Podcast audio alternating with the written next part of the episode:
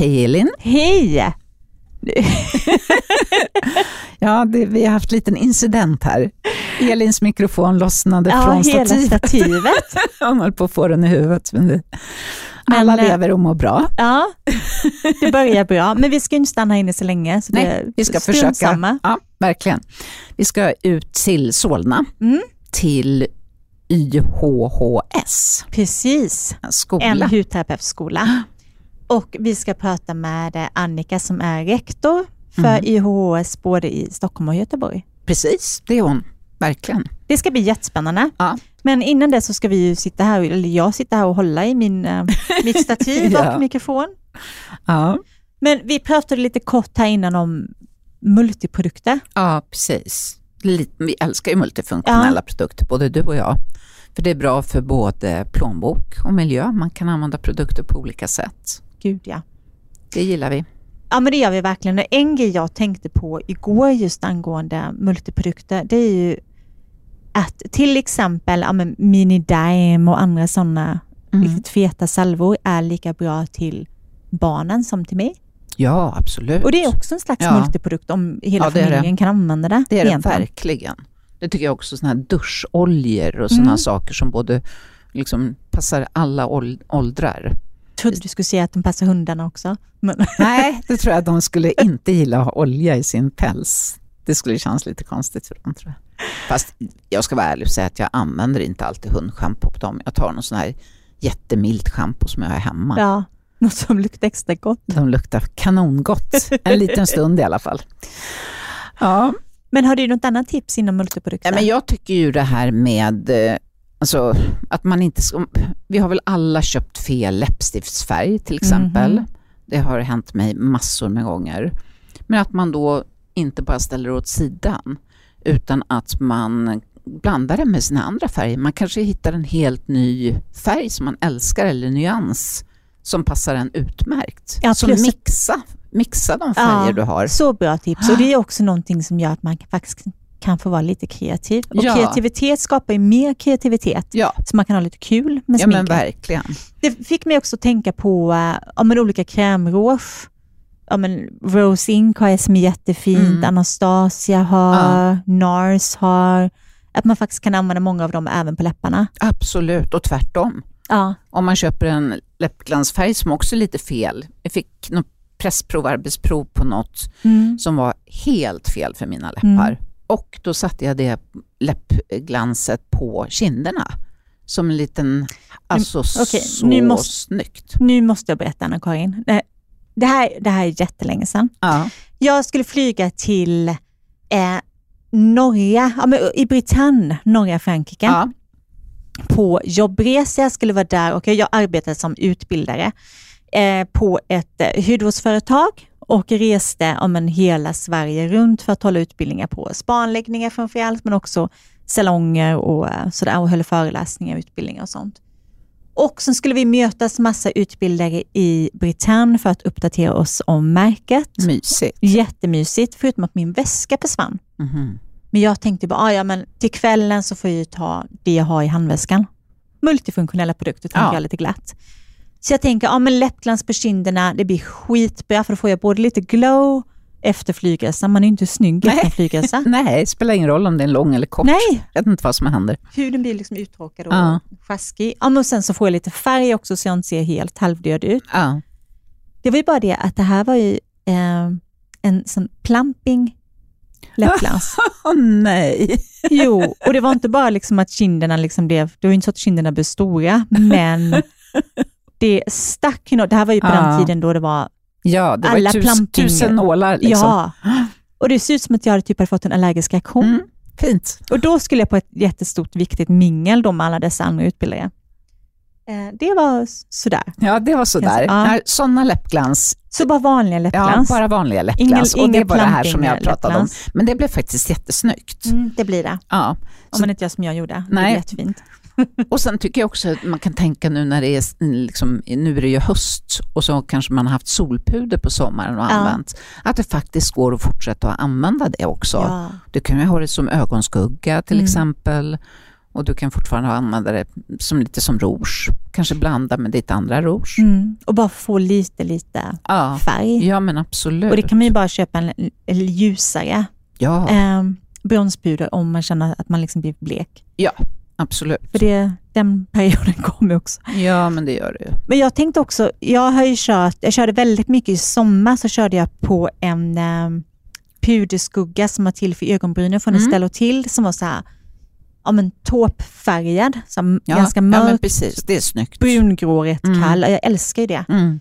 Ehm, nu har den gått sönder, så det är tusen bitar. Men innan dess, och då körde jag den båda till ögonbrynen som den är till för, så Ja. den fäster bra på strån. Mm. Men också till franskanten. Och jag kan använda den som ögonskugga och göra en snygg liksom, ja, men sotning med. Perfekt. Perfekt. för det. Ja, Och även en pytteliten dutt som contouring. ja Och det. inget, det var ju inte till för det, något nej, av det. nej, nej, nej. Nej, men det är ju där. Man ska ju bara, man ska inte låta, alltså det är bara att låta fantasin flöda. Precis. Det är ju inte farligt Nej, liksom att det- ha, Det enda man ska tänka på är att eh, alla produkter är inte testade för ögats nej men, så, nej men så är det ju verkligen. Och sen tycker jag man ska tänka på om man, man köper fel produkt. Man känner att, åh nej, den här krämen doftar alldeles för starkt. Mm. eller för parfymerat. Man kanske hade tänkt någonting annat. Men använd den då på dekolletaget eller på halsen, alltså en bit ifrån Näsa. nosen, om vi säger så. Eller om man vill lyxa till det ordentligt på benen eller någonting Ja. sånt. Så att liksom kasta inte eller låt det bara stå utan använd det fast någon annanstans. Mm. Och huden på halsen och dekolletaget är ju också lika tunn och känslig som ansiktet så den kommer att ha jättefin effekt där också. Likadant handryggen. Ja, För det glömmer vi ofta bort. Men Ja. det är perfekt att ha ja, men retinolserum som kanske känns för starka för ansiktet Mm. till exempel. Ja. Kör dem på handryggen. ja, jättebra. Och sen en annan sak också, det är ju om man köper en, en kräm som är för fet, som man, om man inte gillar riktigt feta krämer. Mm. Det älskar jag i alla fall på vintern. Men många tycker att det känns obehagligt. Men använd den då som en ansiktsmask istället. Lägg ett tjockare lager och låt den ligga på i 15 minuter och sen torkar du bort resten. Ja.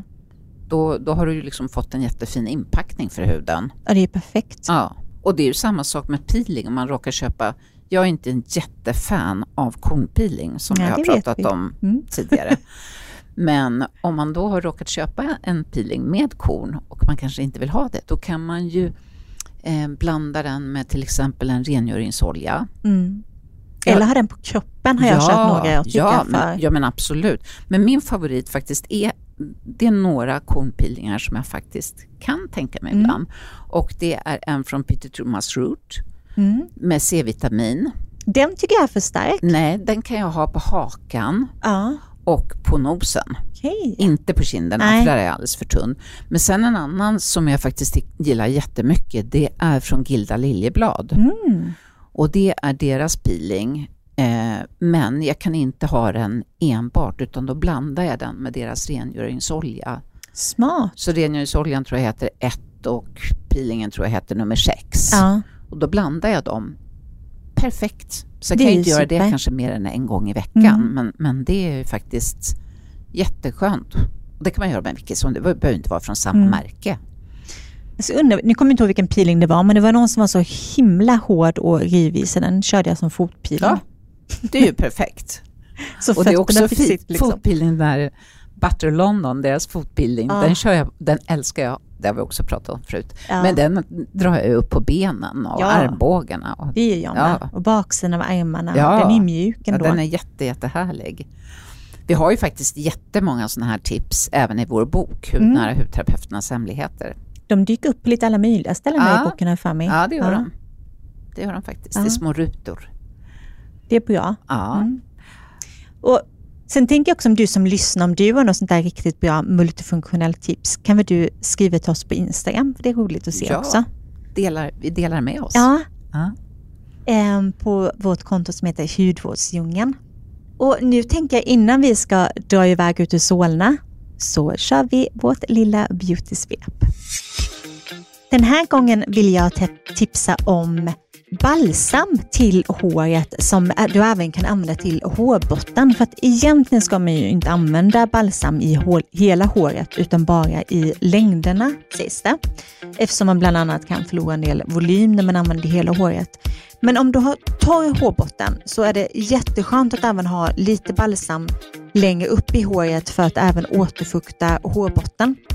Jag gillar bland annat en från Amika som är i en serie som heter Hydro Rush och eh, Elisabeta Sefi har en jättefin som heter Everyday Conditioner för dig som vill återfukta håret närmare hårbotten och även lite runt omkring hårbotten. Lycka till!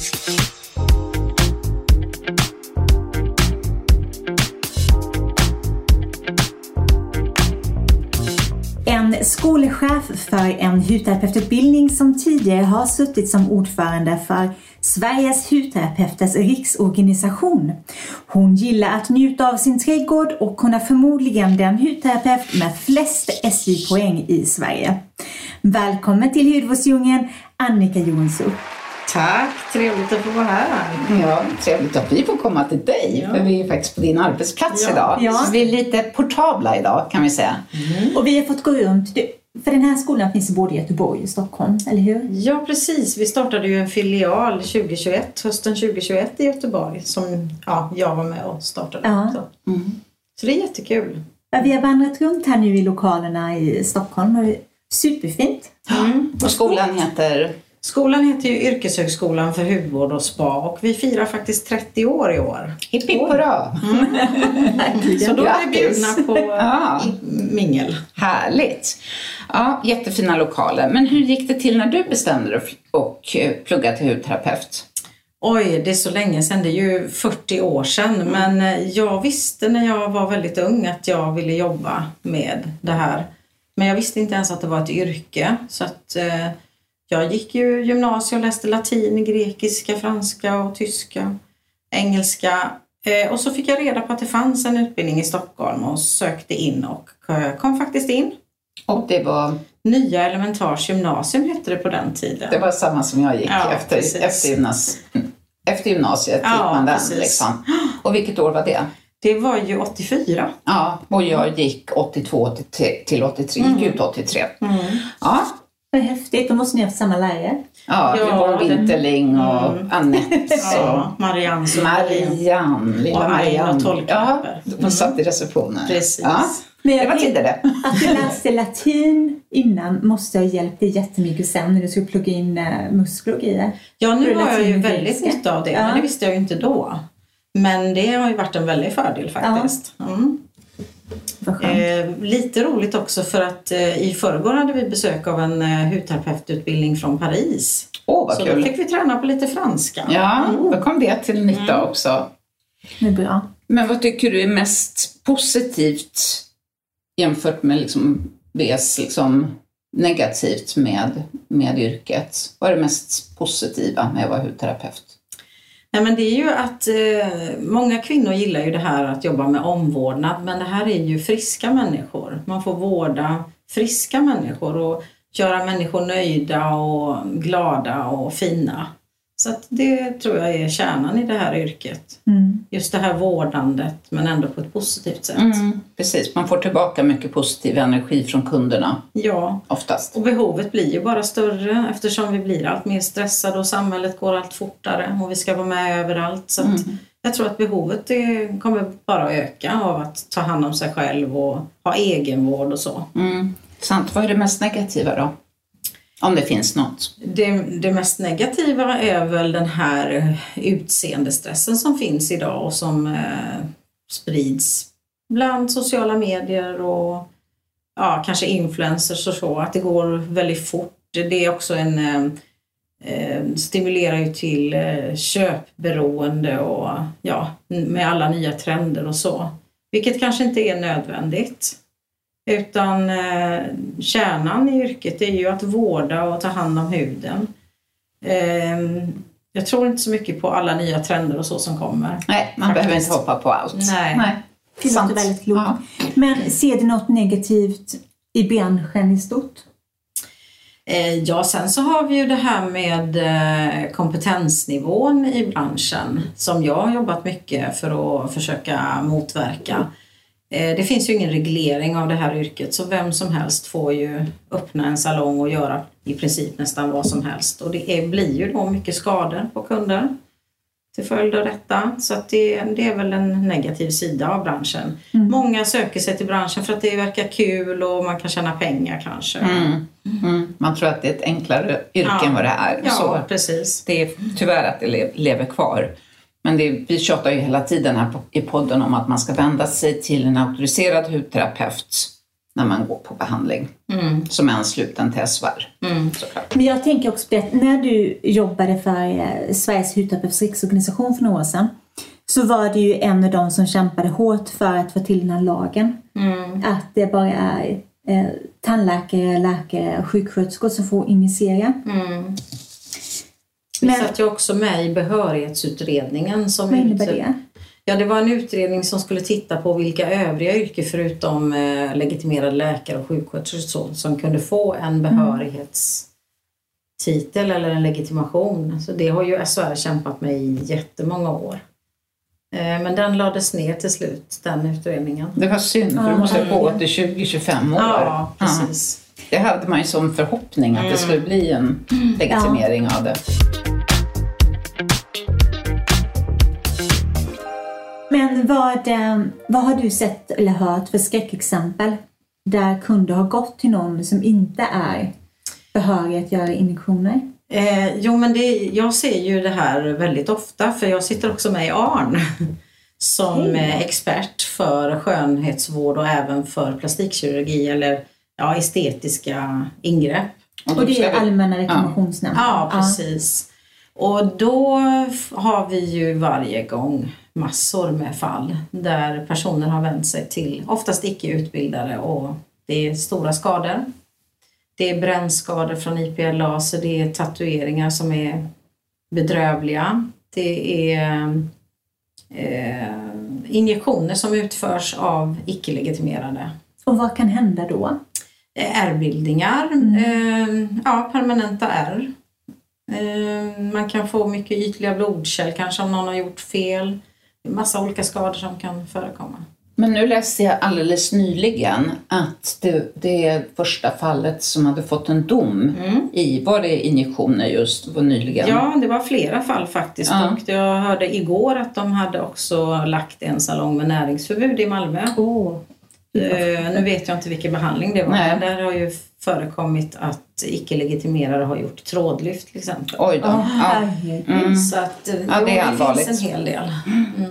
Ja, Alltså, men det är bra vad att det, man kommer åt fel nerv och så. Ja. Mm. men framförallt väldigt bra att det äntligen sätts, Mm. foten sätts ner och att det blir domar på de här Mm. människorna. Men det här med att du sitter och hjälper till för eh, Allmänna rekl- reklamationsnämnden. Hur många fall är det som kom in? Hur vanligt är det? Ja, nu sitter ju inte jag på varje möte men vi har ju emellan ja, cirka 20 fall på varje möte och mötena kanske är mm, ja, i alla fall en 10-12 per år. En i månaden. Så alltså. det är ju Ja. väldigt många fall, ja. Och då tänker man alla som inte tar sina fall upp till, Precis, det som liksom lever i det dolda och som kanske skäms för att man Ja. har gått någonstans. Det här är ju bara de som anmäler. Ja. Mm. Och jag tror att det finns en jättemörker siffra Mm. på det där. Mm. Men då, Och det är ni, viktigt att anmäla. Ja, Ja, men absolut. Mm. men då sitter ni och bedömer om man har rätt till skadestånd eller vad gör ni då? Ja, om det är fel i tjänsten, om vi kan eh, utröna om det har varit ett fel i tjänsten. Ehm, så det är väl det, det Mm. vi tittar på och om de har rätt till ersättning då. Antingen pengar tillbaka för tjänsten eller kanske också för sveda och värk och så, om de har fått bestående men. Det måste vara jättesvårt att bedöma. Ja, faktiskt inte. Vi är ju ganska rutinerade Ja. vi som sitter där. Ja, så att- vet vad som men, men de andra som sitter där, juristerna och så, de vet ju ingenting om det Nej, här området. Så det är ju tur de har oss. Mm. Men För det är ju så mycket är olika med? konstiga behandlingar Ja. så det är ju inte klokt. Men då är det du och sen är det någon hudläkare. Nej, vi är faktiskt hudterapeuter bara i Ja. denna gruppen för Okej. skönhetstjänster. Ja. Mm. Så att det är, vi är fyra stycken nu. Ja. Ja, Gud vad skönt. jättebra. det. Hjälps åt. Ja. Sen finns det en grupp för ren plastikkirurgi och där sitter ju plastikkirurgen. Ja. Mm. Ja, men det är väl rimligt att man sitter i den yrkesgrupp som man behärskar så att säga. Men är det lika mycket där? Det är det säkert. Det, ju- det vet ju inte jag. Nej, eftersom nej, inte- Men det är det säkert. Nästan det är mer. Faktiskt. Vad hemskt. Ja, det gäller att välja med omsorg oavsett vad man ska göra. Om det är vanlig ansiktsbehandling eller om det är Och det var faktiskt kirurgiskt. roligt för att det sista mötet jag var på nu, då var det faktiskt en som hade anmält som hade skrivit som kommentar att jag får ju faktiskt skylla mig själv som inte kollade upp vem jag gick till så jag begär inte så mycket tillbaka. Åh. Så det var ju, Mm. men de flesta är ju helt omedvetna om de tar ju det som är billigt och på lätt stil och, Mm. Och det är då det går fel oftast. Ja, och köpa alla bra kampanjer man kan hitta. Ja, och på något sätt ska man väl kanske alltid dra öronen åt sig om, om det är någon som har erbjudanden på en tjänst som är mycket, mycket lägre. Varför är det så? Mm. Det är ju liksom jätteviktigt att kolla upp. Och det är ju också enkelt att kolla upp, även nu är ju vi hudterapeuter, men om man ska gå till en läkare så är det ju lätt att kolla upp om den här personen har många anmälningar på Ja. sig. Mm. Så att det är väl en klok grej överhuvudtaget. Men du är ju inte bara här, du arbetar ju precis som vi sa innan med den här utbildningen för hudterapeuter. Hur upplever du det? Jo men det är ju Skittråkigt. Nej. Nej men det är ju roligt att vara tillbaka i skolan igen. Jag började ju så nästan. Jag hade ju salong i 10 år och sen har jag jobbat som eh, utbildare i ja, 25 år. Eh, började ju som eh, och faktiskt var skolchef på en skola och jobbade sen på olika skolor och nu, sen var det ju en lång period med SOR och nu är jag tillbaka i skolan igen. Det är ju väldigt roligt. Alltså, jag är väldigt positivt överraskad över hur fina elever vi har. Mm. Och eh, hur, de har ju mycket högre kunskapsnivå när de kommer in idag.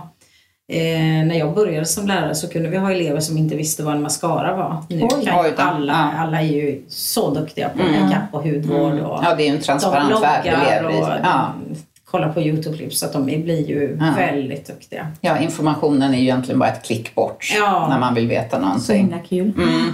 Ja, men det är ju positivt. Och utbildningen är då ett och ett halvt år. Ja, precis. Den är egentligen 60 veckor men sen är det ju lite lov också så då blir det ett och ett halvt år. Mm. Så Och är de flesta får, får jobb eller? Ja, vi hade ju examen nu förra veckan på vår andra klass redan. Ja. Det går fort. Vi fjärde klassen har börjat redan. Mm. Eh, den klassen som gick ut nu, de var 18 stycken. Jag tror nästan att eh, 16 har börjat jobba. Oj. Underbart. Så det Ja, är, efterfrågan de är fortfarande eftertraktade. stor. Ja, Ja. det är det faktiskt. Det är ju många span på västkusten också. Så Just det. Att, eh, de får ju inte tag på folk. Nej. Det, Nej, det där- fattas utterapeuter. Ja, där är oftast ganska stor omsättning också Mm. på personalen. De behöver sin.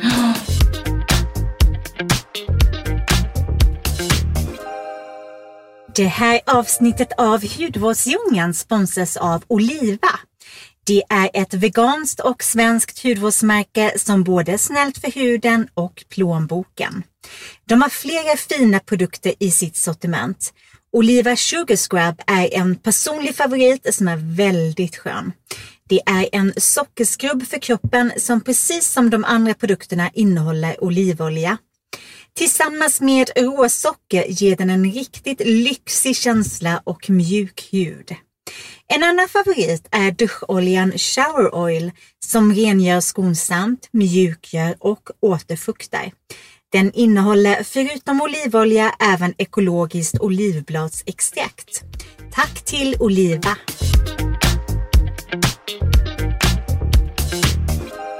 Men jag kommer ihåg när jag pluggade så fanns det ett eh, moment som alla, ja, men alla hudterapeutskolor gjorde då. Jag tror det finns kvar ännu med i utbildningen att man mäter kroppen innan olika kroppsbehandlingar. Mm. Och jag tycker att det här känns lite förlegat. Mm. Vad tycker du? Nej, vi är väldigt emot det och vi gör inte det i praktiken. Tyvärr så ingår det ju i Cedesco-examen så då får vi göra det på de kunder som kommer. Vi har bett eh, SHR att skicka en motion till Cedesco om att ta bort det men eh, de vägrar. Men vi kommer att fortsätta att eh, trycka på Ja. och eh, kanske skaffa någon eh, vetenskaplig bakgrund till det här att skicka in till Cedesco för att få bort det. Eh, nej, vi tycker inte att det är lämpligt. Nej, det känns, idag- jag håller med dig Elin. Det känns ju, och som Mm. säkert du tycker också, det känns otroligt förlegat och gammalmodigt. Mm. Ska vi bara förklara lite snabbt för lyssnarna Mm. enkelt vad Cedesco är för någonting? För det har vi Ja. inte nämnt. Nej, Cedesco är ju den internationella branschorganisationen för hudterapeuter och finns i 48 länder. Och de eh, certifierar då kan man säga genom att man gör en Cedesco-examen. Och vi är ju den enda skolan tror jag i norra Europa eller i hela Europa som har både Cedesco hudterapeut och Cedesco spa-terapeutexamen. Så våra läser ju extra mycket spa. Väldigt Okej. ingående spa. Mm. Vad kul. Så, Då är det perfekt om man är extra intresserad av det Mm. och gå här. Mm. Och då kan man också säga att om man pluggar på en Cedesco-skola i något annat land så ska alla de här motsvara varandra Mm. utbildningsmässigt. Ja, det är väldigt standardiserat faktiskt. Och jag är ju Cedesco-examinator också.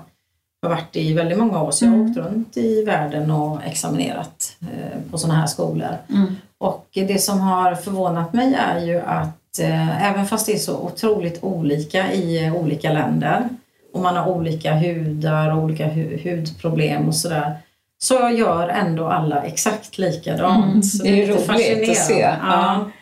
Men eh, kan inte du berätta lite om de här olika skillnaderna mellan olika länder? Både om de olika hudproblem Mm. men också så synen på behandlingar och om det är någon särskild behandling som är Mm. populär här men inte i andra länder och vice versa. Mm. Ja, men i Frankrike till exempel, om vi börjar där, så är det väldigt mycket inriktat på det här med eh, parfym och makeup Mm. och, och produkter och så. De får ju inte heller penetrera huden så de får ju inte göra epilering eller microneedling eller någonting sånt där. Mm. Men nu ingår ju inte epilering heller i Cedesco, bara för det. Ja. Eh, Japan, där är det ju, och, och Asien är det ju mycket det här med hyperpigmenteringar som är det stora, stora frågan och det som man behandlar mycket och söker produkter mycket för. Lär de sig det redan då under utbildningen, hur man behandlar det? Eller? Ja, jag de tror att eleverna? Alla är väldigt intresserade Ja, av just ja. det här, hur löser man det? Just det. Eh, sen får ju inte de använda väteperoxid. Nej, så de kan inte färga fransar Nej. och inte i USA heller väl? Nej, det vet jag. Jo, det, Vissa stater jo, tror jag ja, kanske inte vissa får stater. ja. Inte färga fransar och Nej. Men, Mm. Där jag var så fick man det i Ja. alla fall. Ja. men va, varför får de inte använda det? Vet du det? Eh, Vad är det liksom nej, men det, vara- det tror jag handlar om att det är en kemikalie som Mm. de inte får Ja. använda. Frätande. Mm. Ja. Mm. Mm. Men är det några andra så här, är det någon särskild behandling i eh, något annat Fiji? Eller vad det nu kan vara, som eh, är stor där? Eh, inte som jag kan komma på så här, men eh, det är klart att eh, som Fiji till exempel och Sydafrika, där är det ju mycket med spa. Mm. Där examinerade jag en av eh, världens första spa-examen när det kom. Den här spa-examen är ju inte så gammal inom Cedesco. Så att då var jag där och gjorde en av de första faktiskt. Det, Spännande. det är ju mer inriktat på det kanske. Eh, England är mycket, och Irland är mycket apparater. Mm. Mycket om det. Men inte, de är inte så duktiga på hudvård och hudanalys och sådär. Och de gör inte heller så mycket diatermi va? I Jo, gör de det jo, det gör de. Ja, jo, gör de. okej. Ja, det, det Men när de. du säger att de har mycket apparaturer, då för ansiktet, är det liksom mycket mikroström och sådana saker eller är det mer kropps... Nej, det är både och. både och. Det, är både Mm. faktiskt. Det är det. Eh, Så det är väl det som de fokuserar på. Skulle du säga att i England går kvinnor och män mer på, på behandlingar på hud, hudsal- hudvårdssalonger än i Sverige? Ja, det tror jag nog. Mm. Absolut. Vi är ju generellt eh, ett av de sämsta länderna när det gäller det här. Mm. Och vad det beror på, det, det kan ju vara vår tradition. Ja, men jag. absolut. När jag började som hudterapeut så gick man till en hudterapeut en gång i livet och det var ju innan man skulle gifta sig. Ja, vissa var ju så. Ja. Men idag, vi, vi ser en väldigt ökning nu faktiskt och speciellt bland män. Vi har väldigt mycket män i våran elevsalong. Det är ju roligt att höra. Ja. Och de gör ju inte bara kroppsmassage utan de, de vill prova på allt möjligt. Manikyr och hotstone. Och, Åh, vad så det är roligt. jättekul Mm. faktiskt. Ja. Har ni även killar som går utbildningen? Manliga Ja, det har vi och det är berätta. vi jätteglada för. Ja, har det ökat? Ja, nu verkar det som Ja. att det faktiskt är på gång Det tror jag kommer att vara väldigt uppskattat. Men det är är en kille som går så har det ökat. Ja. Ja, det är så lite. men, så måste liksom- Fast vi hade en kille i första klassen, han fick jobb direkt. Ja. Eh, nu har vi två killar. Åh. Och i förrgår, nej igår, så var faktiskt World Skill Sweden hos oss och filmade honom eh, hela dagen. Ja.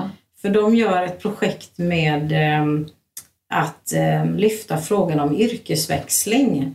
Och just då yrkesväxling från akademiskt yrke till hantverksyrke. Mm, Och just då vill de också ha en man. Ja. Så att eh, det kommer snart på Youtube och WordSkills eh, hemsida. Så jättekul. Spännande. Det ska vi spana in. Ja, verkligen.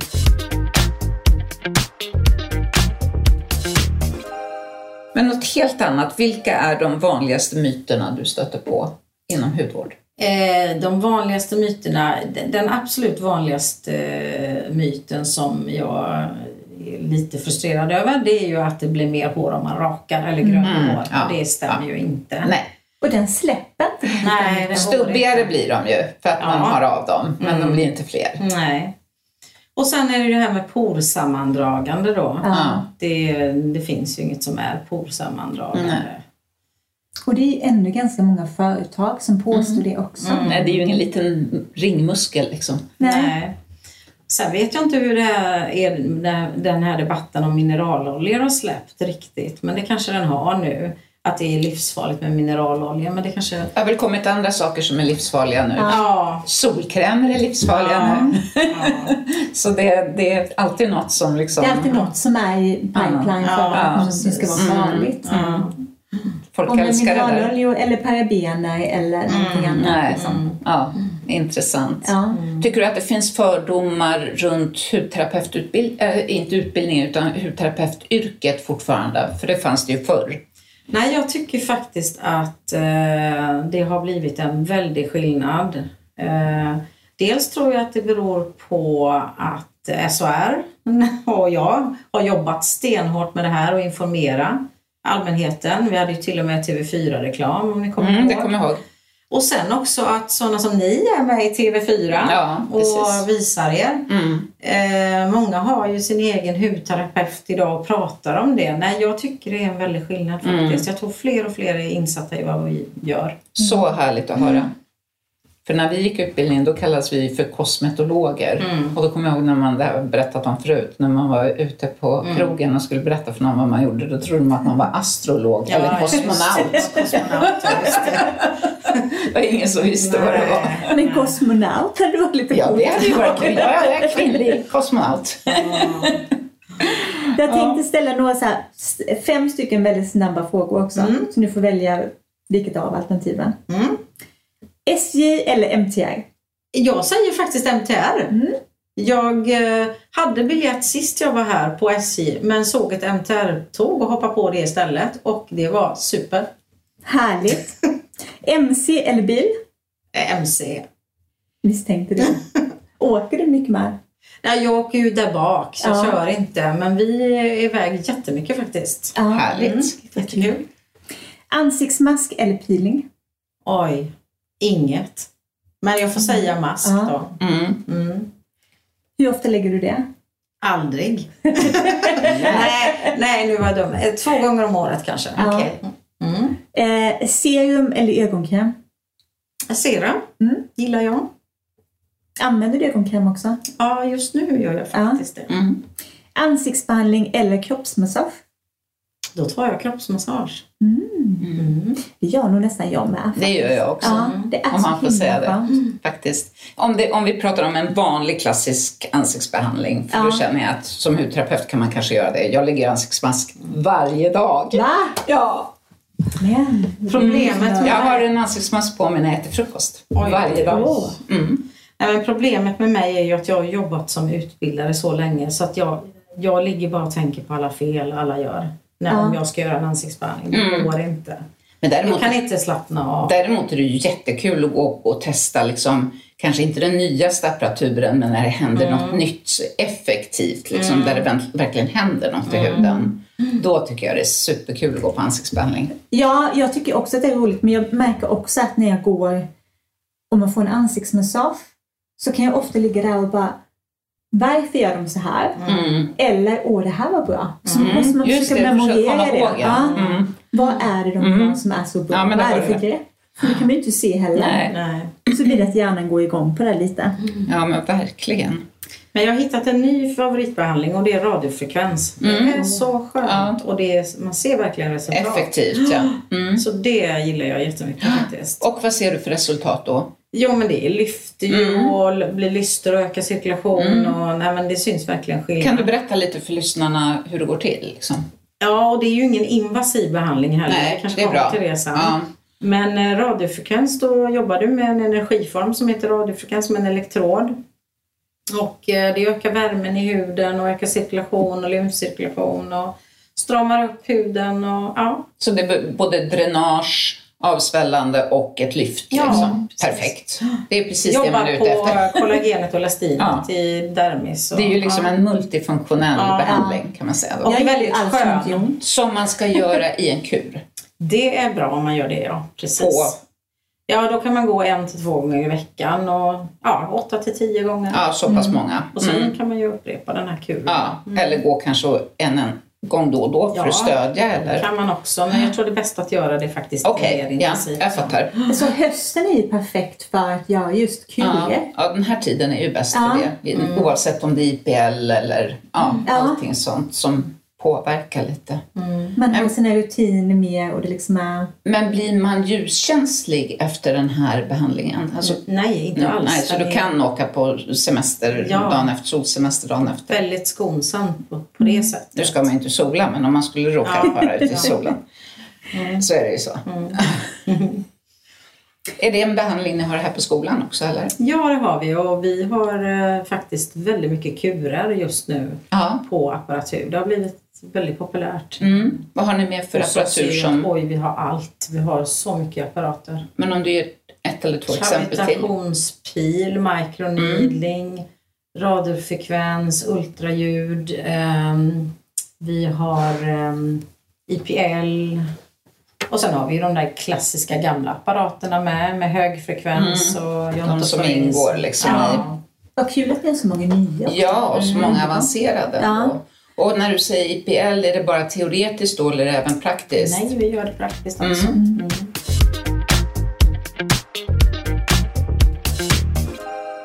Men har du någon sån här big no-no när det kommer till behandlingar och produkter? Ja, men jag är ju ingen fan av invasiva behandlingar och eh, kemiska pils och microneedling och så här.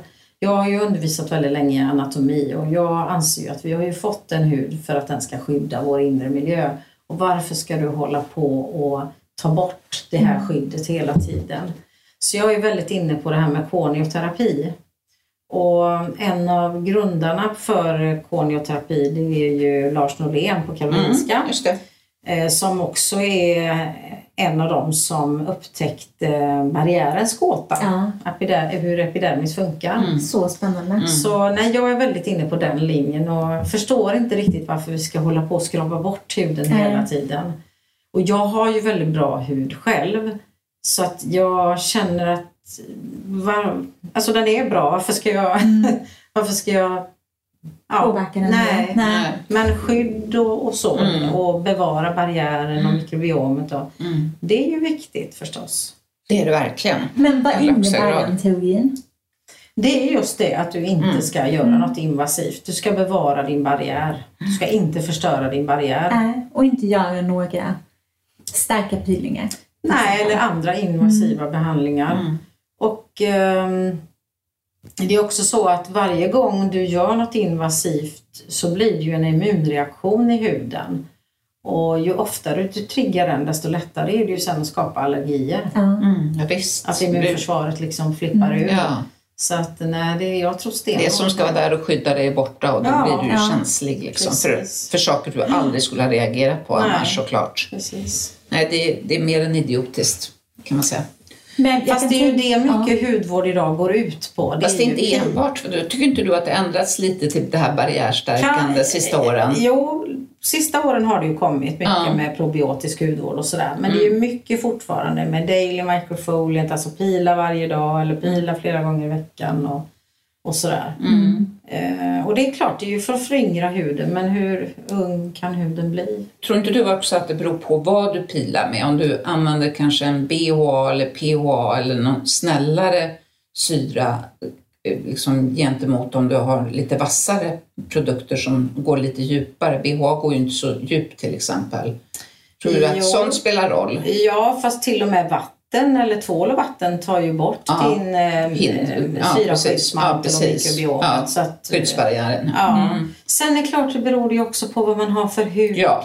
Den del behöver. Mm, har få behov. bort, ja. ja. Ja. precis. Så att det inte Så kloggar att, igen. eh, man måste ju liksom individanpassa allt. Det är därför man ska gå till en auktoriserad hudterapeut och få en hudanalys. Ja.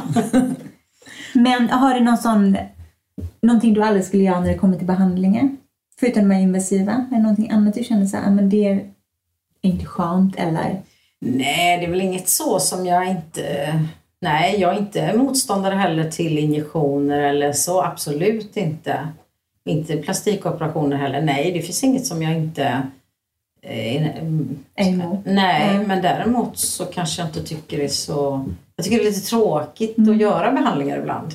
Eh, det är inget, nej, det är inte min... eh, Jag har jobbat med det här så mycket och det blir lite skomakarens barn. Ja. Mm. Det är inget intressant för mig. Det är roligare att vara ute i trädgården. Ja. Mm, just det. Än att ligga på en eh, du pedikyr. avkoppling istället? Ja, ja men det förstår jag. Men ja, vilka är dina allra bästa hudvårdstips? Oj, ja mitt allra bästa det är ju skaffa bra gener, skaffa bra föräldrar. Mm. För det är, Den är svår. Det är mycket gener alltså. Det är det absolut. Mm. Och använd solkräm. Men om man tänker liksom lite annat. Jo men sen är det ju det här med att eh, skydda och rengöra huden. Alltså den här grunden. Det, det är ju det viktigaste. Mm. faktiskt. Ja men det är väl det. Klokt. Mina, Ja. mina bästa hudvårds... Och sen, ja men ehm, sen är det ju det här med sömn och kost. Och, alltså det är ju helheten. Mm. Var lycklig, lev, var nöjd, Ja. var nöjd med livet, var tillfreds. Och jag tror allt spelar in faktiskt. Ja, precis. Rörelse så man får igång mikrocirkulationen och allting. Ja. Vi, kroppen är ju en helhet. Det, det ena organsystemet är ju beroende av det andra. Mm. Och, så att, eh, det, det tror jag nog mer på än just kanske rena produkter sådär och behandlingar. Ja, samma här. Jag tänker just så mycket som hormoner. Det. Som stresshormoner påverkar kroppen Mm. och påverkar vår hud. Mm. Mm. Man kan ju lätt se på huden och märka på huden Mm. när vi är väldigt stressade. Ja, Mm. och där är ju vissa människor mer känsliga än andra. Mm. andra kan ju, vissa kan ju göra i stort sett vad som helst och det märks. De ser Mm. helt Mm. fantastiska ut ändå medan de, har man lite sämre gener så, Mm. så syns det ju direkt på Ja. en dålig nattsömn. Liksom. Mm. Så så är det verkligen. Men vad hoppas du på i framtiden då? Nej men jag hoppas ju fortfarande på att det här ska bli ett registrerat yrke. Att att det ska finnas en reglering eh, så att inte vem som helst får eh, kalla sig hudterapeut och öppna salong. Och, och sen eh, att det blir ännu mer känt bland allmänheten. Eh, och att folk förstås tar hand om sin hud. Att det ska bli lika eh, okej att gå till hudterapeut som att gå och klippa håret eller gå till tandläkaren. Mm. Det är väl vad jag hoppas på. Men det, det, jag tror att vi är på väg dit. Jag ser en väldigt ljus framtid för det här yrket. Ja, men det låter väl jättehärligt. Verkligen. Tack snälla, snälla Annika. Ja, Ja, tack Du för ville prata med oss. Ja, Ja. tack själv Så trevligt och lärorikt.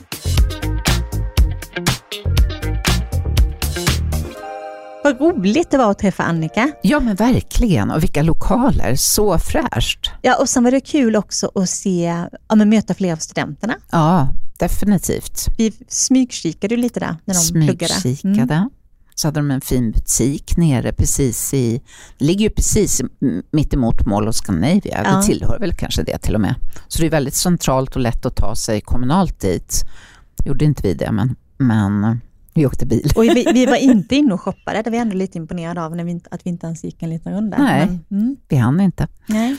Men superfina lokaler, det var väldigt kul att se.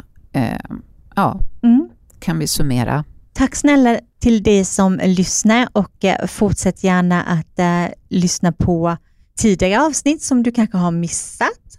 Och eh, sprid gärna vår podd till dem du tror är intresserade. Då blir vi jätteglada. Puss på er! Puss puss! Hej då! Hej!